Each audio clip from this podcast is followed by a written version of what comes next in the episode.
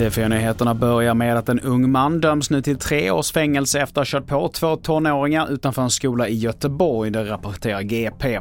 Både den dömda och en av de målsägande ingår i kriminella nätverk enligt polisen. Mannen döms även till drygt 65 000 kronor i skadestånd. Och vi fortsätter med att skolorna i Göteborg kan få sänkta inomhustemperaturer i vinter i jakt på energitjuvar. Och det kan innebära så låga temperaturer som 18 grader. Så här säger Axel Josefsson, kommunstyrelsens ordförande i Göteborg. Jag, jag har full förståelse för att det kommer att bli kämpigt eh, för oss alla.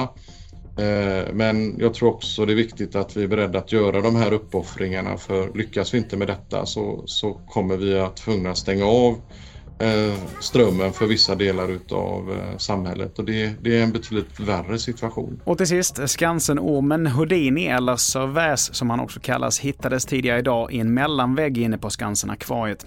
Tullverket, som kallats in i jakten, hörde ett väsande ljud och sökte sedan igenom området med röntgen och då hittar man alltså ormen.